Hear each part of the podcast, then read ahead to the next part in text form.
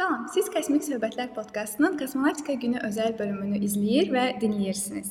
Bu gün biz Kosmonavtika günündən, onun tarixindən və ümumiyyətlə kosmonavtika haqqında Mais müəllimlə söhbət eləyəcəyik. Mais müəllim mənim ə, universitet vaxtlarından müəllimimdir. Eyni zamanda uçuş aparatları və aviasiya mühərrikləri kafedrasının da dosentidir. Gəlin belə başlayaq. 1961-ci il 12 aprel tarixi ə, bizim yaddaşımıza belə yazılıb ki, kosmonavtika günüdür. İlk insan uçuşu Yuri Gagarin.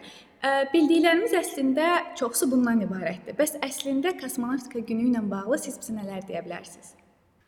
Ümumiyyətlə insanların qədim dövrdən bəri arzusu o olubdur ki, uçsunlar. Onlar da quş kimi e, uça bilsinlər və harda e, yaxşıdır onlar üçün orada məskunlaşsınlar. Və o cümlədən də insanlar belə fikirləşirdilər ki, ola bilsin ki, bizim yaşadığımız bir məkan, məkana bənzər başqa bir daha yaxşı bir yer var və o cümlədən də m, fikirləşirdilər ki, ayda ola bilsin yaşayış olsun və yaxud da hansısa bir başqa bir planetdə yaşayış olsun. Ona görə də həmişə insan can atırdı kosmosa və bunun üçün də təbii ki, birinci növbədə kosmik fəzanı öyrənmək arzusunu deyirdilər ki, bu həqiqətən də belədir. Ancaq müəyyən çətinliklər var idi. O çətinliklər də aydın məsələdir ki, insana ə, əgər qanat verilmirsə bu uça bilməz və ona görə də ə, insanlar başladılar özlərinin aparat fikirləşməyə. İlk aparat hələ 17-ci əsrdə Mangalfiya qardaşlar tərəfindən yaradıldı. Bu hava şarları yaradıldı. Və e, amma ilk havaya qalxan insan bu e, ornitopter adlı bir uçuş aparatı var. İnsan özünə quş qanadı kimi qanadıb, qanad düzəldib və hündür qayalardan özlərinə atırdılar, orada uçurdular. Bunlar bu da Əhməd Çələbi idi. Bu türk olub Əhməd Çələbi. Amma ə, bu gördülər ki, yox, insan öz əzələ gücü hesabına böyük bir məsafəyə uça bilməz. Ona görə də başladılar bölündülər iki qrupa. Onlardan birinci qrup hava üzgüçülüyü, yəni havada ə, hava şarları vasitəsilə hərəkət etmək tərəfdarı idi. Amma digəri isə ə, onu belə deyirlər, havadan yüngül və havadan ağır uçuş aparatları. Havadan ağır uçuş aparatlarının tərəfdarı idilər. Yəni ki, aerodinamik prinsipə əsaslanan ə, prinsipdə uçuş. Yəni bu təyyarədir, helikopterdir, raketdir, bu cür ə, uçuş aparatları idi. Və o cümlədən də kosmonavtika. Kosmonavtika burada ə, təbii ki, birinci ə, demək lazımdır ki, reaktiv qüvvələrin əmələ gəlməsindən sonra insanların beyninə düşdü. Bu da Tsiolkovskinin ə, o düsturu, məşhur düsturu reaktiv qüvvənin alınması və son mənzildə ə, kosmik sürət nəyə bərabərdir? Bu əslində Newtonun belə deyək ki, o fikirlərindən sonrakı bəli insan kosmosa gedə bilər. Ondan sonra artıq bu yarandı və böyük işlər görüldü. İkinci Dünya müharibəsindən əvvəl bu istiqamətdə böyük nailiyyətlər əldə etmiş Almaniya müharibənin uduzduqdan sonra deməli olar ki, bütün sənədlər oradan götürüldü, hətta zavodlar belə söküldü, gətirildi SSR-in keçmiş SSR dövlətinin tərkibində quruldu və bu istiqamətdə də işlər başladı, elə oradan əslində başladı, ə, aparıldı. Oradan gətirilmiş çərközlər, oradan gətirilmiş hesablamalar, düsturlar və s. əsasında bunların hamısı yaradıldı. Bu ilk uçuş oldu 4 oktyabr 1957-ci ildə. Bu birinci peyk idi. O bir dənə kürə şəkilli bir dənə ə, uçuş aparatı idi, 4 dənə antenası var idi. Uzun antenalar var idi. Və o bir metalik belə də kürə, onun o kürənin də içərisində radioelektrik avadanlıqlar yerləşdirilmişdi. O nə etməli idi? O aparat yerə siqnal göndərməli idi. Bu hətta bizim şairimiz vardı, Rəsulullah o yazırdı ki, "Layka sən göydə etdikcə ham-ham, biz səndən alırıq ilham." Belə bir şeir də var idi. E, və ona nail oldular.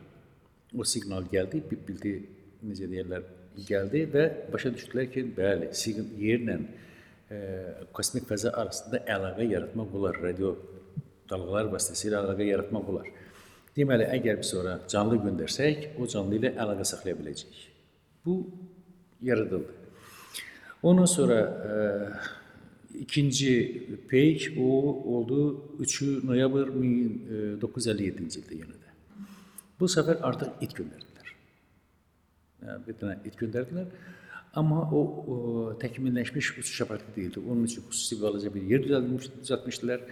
E, Deyilənə görə güya ki, orada bütün şərait onun üçün qurulmuşdu. Yəni burada həm ventilasiya sistemi işləyirdi, qida e, qidalanma e, sistemi və istilik, istilikdən müdafiə sistemi, e, sanitar qovşaq hər şey yerləşdirilmişdi, amma e, belə deyək, imtina edib orada ventilasiya sistemi it orada boğulub ölüb. Belə bir e, fikir də var ki, əslində o boğulub ölməyib, sadəcə olaraq qayıdan zaman uçuş aparatı, enmə aparatı enən zaman atmosferdə o qədər sürtünmədən qızıb ki, it orada diri-diri bişib. Bu, bu Laykaydı da. Layka e, it idi. Amma ondan sonra e, yenə də təkmilləşdirmə təbii ki davam etdi.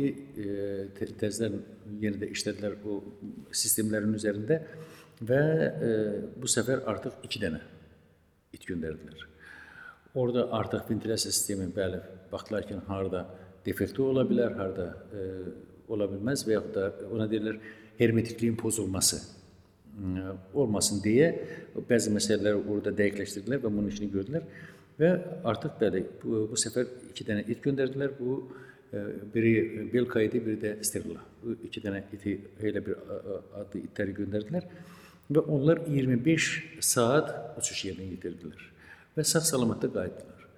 Deməli bu isə o demək idi ki, canlı kosmik fəzada yaşaya bilər. Müəyyən düzdür, qapalı şəraitdə müəyyən müddətdə e, o, e, yaşaya bilər. Amma belə deyək ki, 1960-cı ilin 19 avqust e, tarixində göndərilmiş bu itlər e, gördülər ki, dördündə sağ-salamat qayıtdı. Artıq başladılar otryadlar belə deyək. Kosmonavt otryadları yığmağa, bir neçə dənə qruplar yığmağa ki, ə, kim onların içərisindən ən yaxşısı seçilməli idi. Ə, Bu təbii ki, burada sağlamlığa fikir verirdilər. Burada biliyə fikir verirdilər. Burada ə, xarici görünüşə fikir verirdilər və s. Bu və onların da içərisində həm də Yuri Alekseyevich Gagarin var idi. Əslində o hərbi bir pilot idi və onu hazırladılar. Bu istiqamətdə hazırladılar. Bir neçə dənə o cümlədən də orada bir dənə Qaraçov familiyasında başqa bir kosmonavt da onun da belə deyək ki, şansı böyük idi uçmağa. Amma Gagarin seçildi və ilk dəfə elə o da qalxdı. Titov məsələn o ikinci belə deyək ki, German Stepanoviç Titov o da 25 saat uçdu. Amma Yuri Gagarin az bir müddətdə cəmi cümlətanı 106 dəqiqə 1 saat 46 dəqiqə uçuş yerinə yetirdi və artıq başa düşüldü ki, bəli, bu mümkündür. Nəinki e, az bir müddətdə, hətta orada aylarla, illərlə qalmaq da mümkündür və tədqiqatları kosmik fəzadan aparmaq olar. Burada həm elmi nöqteyi nəzərdən, həm texnoloji, yəni m, necə deyim, hansısa elementlərin orada yaradılması baxımından çox faydalı bir istiqamət idi. Məsələn, balıq türlərinin tapılması yerdə ə, və yaxud da faydalı qazıntıların qızıldı, metal, metalda nədir, bunların ə, tapılması elektrik ele- elektromaqnit siqnalların köməyi ilə tapmaq mümkündür. Və bu istiqamətdə də ona görə də təbii ki, kosmos insanlar üçün həmişə belə faydalı olub və bu indi də davam edir. Ə, Bəs ümumiyyətlə biz yəni sizin də qeyd elədiyiniz kimi də müəllim, məsəl üçün ə, Sputnik 1 göndərildi, sonra insanlar getdi. Ümumiyyətlə bütün bunlara gələnə qədər ki, bəs tarix necə olub ki, ümumiyyətlə biz ilk P2 göndəririk. Çünki ilk P2 göndərmə o deməkdir ki, heç bilmədiyin bir şeyə yəni bir şey göndərsən və ümid eləyirsən ki, o işləyəcək əslində. Yəni o vaxta qədərki proseslər necə baş verirdi? Yəni necə qərar verdilər ki, biz ümumiyyətlə ilk P2-də göndərək? İlk P2 göndərmək yenə deyirəm, bu əsasən kosmik fəzanın öyrənilməsi ilə bağlı idi. E, Siz bilirsiniz ki, yuxarı qalxdıqca temperatur düşür, təzyiq düşür, yəni bunlar azalır və təyyarələrdə helikopterdə də nəyə görə biz təyyarələrdə uçanda 10-12 kilometr hündürlüyə qalxırıq. Bununla bağlıdır ki, daha az yanacaq işlədəcəyik. Çünki orada seyrəlikdir, hava molekulları bir qədər sıx deyil və daha sürətli. Burada ə, Newton belə izah edirdi ki, əgər biz yerin hər hansı bir nöqtəsinə top qoysaq və onu atsaq, o ballistik trayektoriya üzrə başqa bir nöqtəyə düşəcəkdir. Amma həmin mərmiyə daha böyük sürət versək və elə bir sürət versək ki, o artıq başlayacaq yerin ətrafında dövr etməyə. Bu artıq olacaqdır kosmik aparat. Buradan da insanların beyninə düşdü ki, niyə belə bir uçuş aparatı düzəltməyək, niyə bu uçuşu yerinə yetir yetirməyək və ondan niyə faydalanmayaq?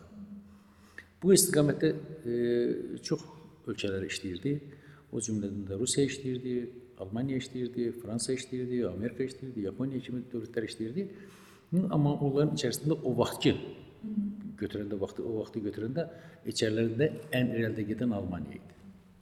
Onlar həm kosmik sahədə nailiyyətlər əldə etmişlər, belə deyək ki, nəzəri nöqteyi nəzərdən və ümumiyyətlə bütün raketlərin hamısı, indiki raketlər, raket daşıyıcıların hamısı FAO-1, FAO-2 raketlər əsasında yaradılıb. O Von Braun'un o vaxt elə bir e, alim var idi, konstruktor var idi, Almaniyanın konstruktoru var idi və 2-ci Dünya müharibəsində o keçdi, daha doğrusu onu götürdülər e, Almana, Amerikanların e, belə deyək, çəkisləri götürdü. Amma e, və onun ətrafını götürdü. Yəni e, o adlarını, familiyalarını verdik kiminlə işləmək istəyir və onları e, Amerika kəşfiyyatı götürdü. Yerdə qalan mütəxəssisləri isə e, SSR, keçmiş SSR-nin çəkisləri götürdülər və gətirdilər bizim o vaxt biz də o ölkəyə daxil idik və burada artıq zavodlar yarandı, konstruktor büroları yarandı, fabrik quruldu və bu istiqamətdə başladı yarışma getməyə. Amerika ilə SSR-nin arasında yarışma getməyə. Çox böyük vəsaitlər təbii ki, qoyuldu və çox ə, insanların da həyatına elə bu kosmik aparatlar son qoydu. Həm qalxanda ə, kifayət qədər yaxşı konstruksiya düzəldə bilmirdilər o vaxt nə texnika var idi, nə texnologiya var idi. Ona görə də qəzaların sayı da çox oldu. Bir dəfə ə, raket daşıyıcı qalxıb 100 kilometrə çatar-çatmaz artıq mühərrik sönüb qayıdıb yerə və Prisesk şəhərini ümumiyyətlə yer üzündən silmişdi. Onu təzədən qurdular, təzədən yaratdılar.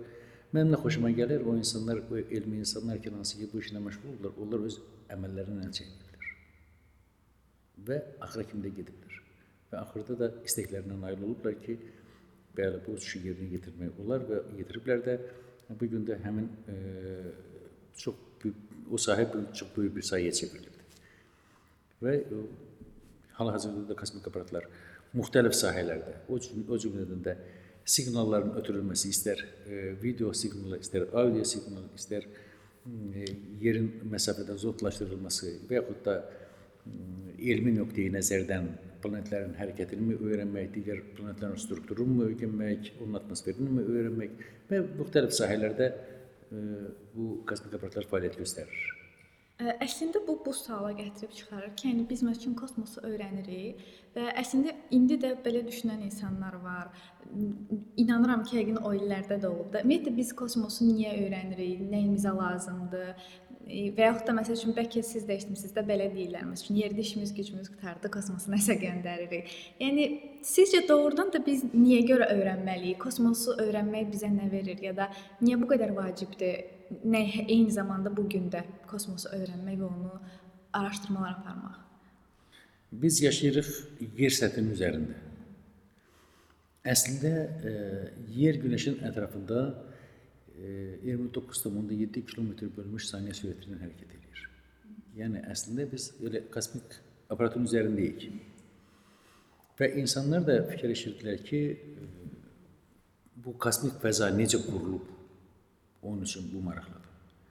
Digər e, təbii belə deyək, cisimlərin üzərində, Yupiterdəmi, Aydanmı və yaxud da başqa bir Marsdanmı nəsə faydalı bir qazıntı varmı? Bir nəsə bir canlı varmı? Orada həyat necədir? Orada əgər varsa o canlıların quruluşu necədir və s. Yəni həmişə insan e, nəsə axtarışda olur. Elə bu gün də elədir. Baxmayaraq indi kosmik aparatlar bu saatı bəli. Bax, əgər internetdə baxsanız hətta yer kürəsi demək olar ki, artıq o kosmik aparatlarla tamamilə əhatə olunub. Amma buna baxmayaraq yenə də hələ biz bu sahədə çox az şey bilirik.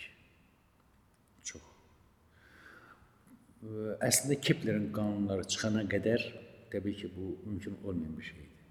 Siz bilirsiniz ki, həm təbii peyklər, həm də süni peyklərin hamısı konus kesiklərin üzərində hərəkət edir. Bu Keplerin birinci qanunudur. Və cazibə mərkəzinə yaxınlaşanda peyk o başlayır sürətlənməyə. Onun uzaqlaşdıqca sürəti düşür aşağı. Bu bərabər zaman fasilələrində bərabər sahələr süpürür. Bu Keplerin ikinci qanunudur. Üçüncü qanun isə onun dövr müddəti ilə onun böyük oxunu birləşdirir, arasında əlaqə yaradır. Yəni e, insanlar getdikcə zaman-zaman o elmin e, elm açıldıqca onun nailiyyətlərindən bəhrələnmək istəyir. Bax bu budur bunların marağı. İnsanlar var ki, ömrünü bir elmə həsr edir. Və ondan nailiyyətini görmək istəyir. Yəni əsas məsələ də budur. Və burada məsələni ona gətirmək istəyirəm ki, çünki siz Keplerin qanunları və s. qeyd elədiniz. Elə sizin öz YouTube kanalınızda da bunu daha ətraflı və işin daha elmi tərəfini orada izah eləyirsiniz. Əslində mən də baxanda o videolara görürəm. Bizim necə ki biz əslində həmin dərsləri keçmişiksə, eynisidir. Oradan da həmin dərslərdən və bu çox dəyərlidir. Biz o vaxt bunu yazırdıq. Həmin materiallar bizdə qalırdı, qalmırdı uzun müddət saxlaya bilmirik, amma videoların olmağı o deməkdir ki, artıq istədiyim vaxt açıb orada baxa biləcəm. Çünki sənin yazdığınla müəllimin izahı arasında çox böyük fərq var. E, Kiminsə sən onu izah eləməyi.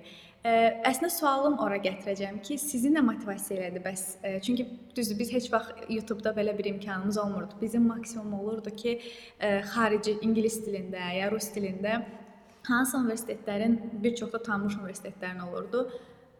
Onların mühazirələrinə baxmaq bizim üçün böyük şans idi. də. Baxırdıq deyirdik ki, "A, falan kəsin universitetində falan müəllim nə qəşəng öz mühazirəsini yerləşdirib." Amma bu gün bizim özümüzdə var və xüsusilə də elə bir sahədədir ki, yəni ə, ə, aviasiya və kosmos sahəsi. E, Bu mən düşünürəm ki, yəni Azərbaycan Azərbaycan üçün çox böyük şansdır. Azərbaycan dilində olmağı, müəllimin özünün bizdən biri olmağı. Bəs sizi nə motivasiya elədi ki, həmin kanalı təsis elədiniz və dediniz ki, mən artıq dərslərimi yerləşdirəcəm. Açığını deyim ki, mən həm sənətimi sevirəm, həm də millətimi sevirəm. Və mən istəyirəm ki, mənim millətim savadlansın. O cümlədən də elə kosmonavtika sahəsində, aviasiya sahəsində. Ona görə də əgər mən bu dərsi deyirəmsə, bunun kitabını mən yazmalıyam. Və üstə gələk fikirləşdim ki, kitab da hazırdır, yazılıbdır və inşa- inşallah bu günlərdə çıxacaqdır. O vaxtı sizin dövrdə o kitab yox idi. Artıq bu gün o var, yəni uşaqların əlində o material var. Bütün məsələ misal orada qoyulubdur, həll olunubdur, tipik məsələlər yazılıbdır. Və üstə gələk həm də videonu mən ona görə fikirləşdim qoyum ki, indiki bizim gənclərimiz biraz e, nəyəsə baxmağa daha meyillidir, nəinki oxumağa. Hə. Eləmi? O istəyir ki, elə hər şey hazır, hazır nazır olsun. Kimsə danışsın da mən Kimsə danışdı, mən əziyyət çəkib oxumayım da. Hə, hə, amma mənim məqsədim odur ki, nə fərqi var? O videoya baxdı, nəsə götürdü və yaxud da oxudu, nəsə götürdü. Qoy elə oxuyan oxusun, onun üçün kitab yazmışam və videoda baxan da video qoyuram ki, qoy o da video baxsın. Yəni bu cür e, o tədrisi mən fikirləşirəm ki, ümumiyyətlə bütün müəllimlər onu qoymalıdır. Bizim müəllimlər onu qoymalıdır. E, çünki bilirsiniz, hətta buna yolla yolda gedə-gedə də maşında oturub tutaq ki, boş bekardır, neynəsin, açıb baxır. Oradan nəsə götürür, oradan nəsə maariflənir. Bu yaxşı bir haldır. Mən buna e, gərək çoxdan başlayaydım. Nəsə indi fikirləşdim ki, artıq yetişib bu olmalıdır. Ona görə də bu YouTube kanalını açdım və ora artıq başladım. Həm aviasiya sayəsində, həm də kosmonavtika sayəsində videolara yerləşdirdim. Mən açıqlama hissəsində qeyd eləyəcəm kanalın ə, bağlantısını. Siz oradan ə, abunə ola bilərsiniz.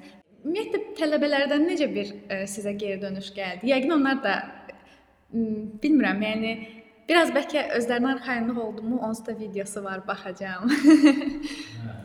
Tələbələr də e, belə deyək bir rahatlıq tapdılar. Rahatlıq tapdılar. Onlar deyirlər ki, müəllim indi e, bizə daha yaxşıdır, daha rahatdır. E, elə imtahan ərəfəsində biz oturub elə baxsaq, yəni orada siz necə çıxardırsınız distorları, necə misallar, məsələlər həll edirsiniz, biz də elə eləyəcəyik. Bu daha rahatçılıqdır. Təbii ki, indi e, müasir belə deyək, üsullardanmı, müasir texnikadanmı deyim, bundan istifadə etmək təbii ki, lazımdır, vacibdir. Biz də onunla yaxlaşmalıyıq. Bəs müəllim tələbəlikdən danışmışkən sizin tələbəlik illəriniz e, belə maraqlı təəssüratlarınız varsa bölüşə bilərsiniz. Çünki siz e, öz təhsiliniz barədə necə oldu ki, məktəb bu sahəni seçdiniz? Tələbəlik vaxtlarınız necə keçib? Mən qurtarmışam, e, o vaxt deyildilər MVT имени Баумана, Московское высшее техническое училище имени Баумана. Yəni Moskva Ali Texnik Bauman adlanan Moskva Ali Texnik məktəbi. Mənim həmişə o bayaq sual verdiniz, nəyə görə insanlar həmişə kosmosa meyl eləyir. Mən orada məktəbdə oxuyanda da elə beynimdə nəsə raket idi.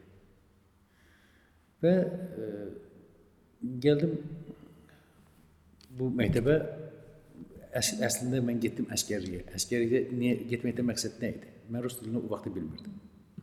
Rus dilini öyrənmək idi məqsəd. Və getdim əskərliyə. 2 il əskərlikdə olandan sonra Krasnoyarsk şəhərində sənədlərimi gətirdim, verdim.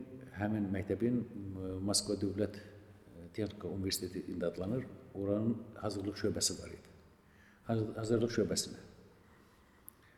Və bir il demək olar ki, mən ancaq rus dili öyrəndim. Çünki fizika, riyaziyyat hamısı yerində idi. Bir dənə dili mənə lazım idi, dili öyrənmək. Və yazında ərzən mən orada yazmışdım ki, raket Raketəslər Yeni Fakültəsi, Raket Quraşdırma Fakültəsinə istəyir.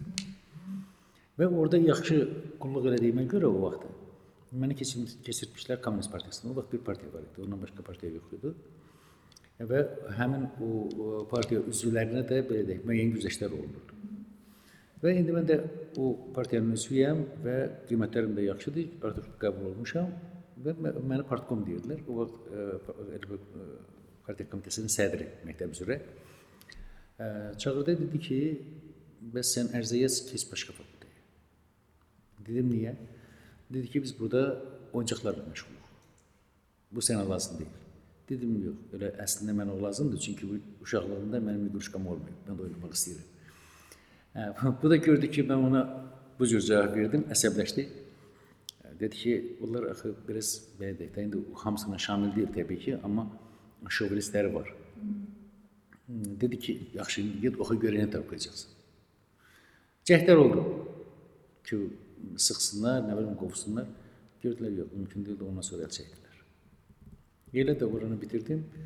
Bitirəndən sonra gəldim e, burada bizim Bakıda radiozavod var. Orada konstruktor işlədim və ondan sonra bura dəvət aldım. Elə o vaxtdan bura açılanda, açılanda deməli 1992-ci ildə açıldı, amma mən gəldim bura 1993-cü ildə. Əvvəlcə saat hesabı işlədim. Sonra 1994-cü ildən etibarən oturmuşam ştatda. Yəni e, bizim millətin, bizim vətəndaşların övladlarına elm, təhsil, bilik, səvat vermək istiqamətində işləyirəm. Ümumiyyətlə mən bildiyim qədərilə siz o zamanlar təyyarə və helikopterlə bağlı dərslər keçirdiniz, hansı ki daha sonradan yaradıldı da bu kosmik texnika ilə bağlı, düzdür? Ümumiyyətlə mən ə, oxuduğum dövrdə nə təyyarə görməmişəm, nə helikopter. Çünki ə, bizim fakültə raket quraşdırma fakültəsi idi. Orada keçmirdilər təyyarə, helikopter yox idi. Amma mən bura gələndə o vaxtda burada raket yox idi. Ona görə də mənə təklif olundu ki, əgər bu dərsi sən apara bilərsənsə, buyur. Mən götürdüm kitabı, baxdım və düzü mənə qəribə gəldi, gülməli gəldi ki, axı mən raketə Strayen fakültəsini bitirmiş bir adam indi təyyarəyə gələndə orada təmiz təhsil başqadır. Burada mən baxan kimi ona elə bir ki, hamısını qopdurdum, götürdüm. Götürən kimi dedim heç bir problem yox. Və gördülər ki, bəli, artıq o gəldilər də, yoxladılar da, baxdılar da ki, bir neçə müddət gördülər ki, hə, yəni heç bir problem yoxdur. Ondan sonra artıq işdə. Bəs ümumiyyətlə ilk dəfə o artıq biləndə ki, kosmik texnika fənni tədris olunacaq, siz o fənni deyəcəksiniz. Onda bir sevinç hissi oldu ki, yəni artıq öz e, ən çox istədiyim Doğmadır da, artıq o hə, təbii ki, o artıq doğmadır. Kafeterya müdürü mənə deyəndə ki, "Mayıs, sən arzularına çatdın." Deyirəm bu çoxdan olmalı idi. Doğrudan da bizim dövlət e, artıq bu işlə məşğul olmalıdır.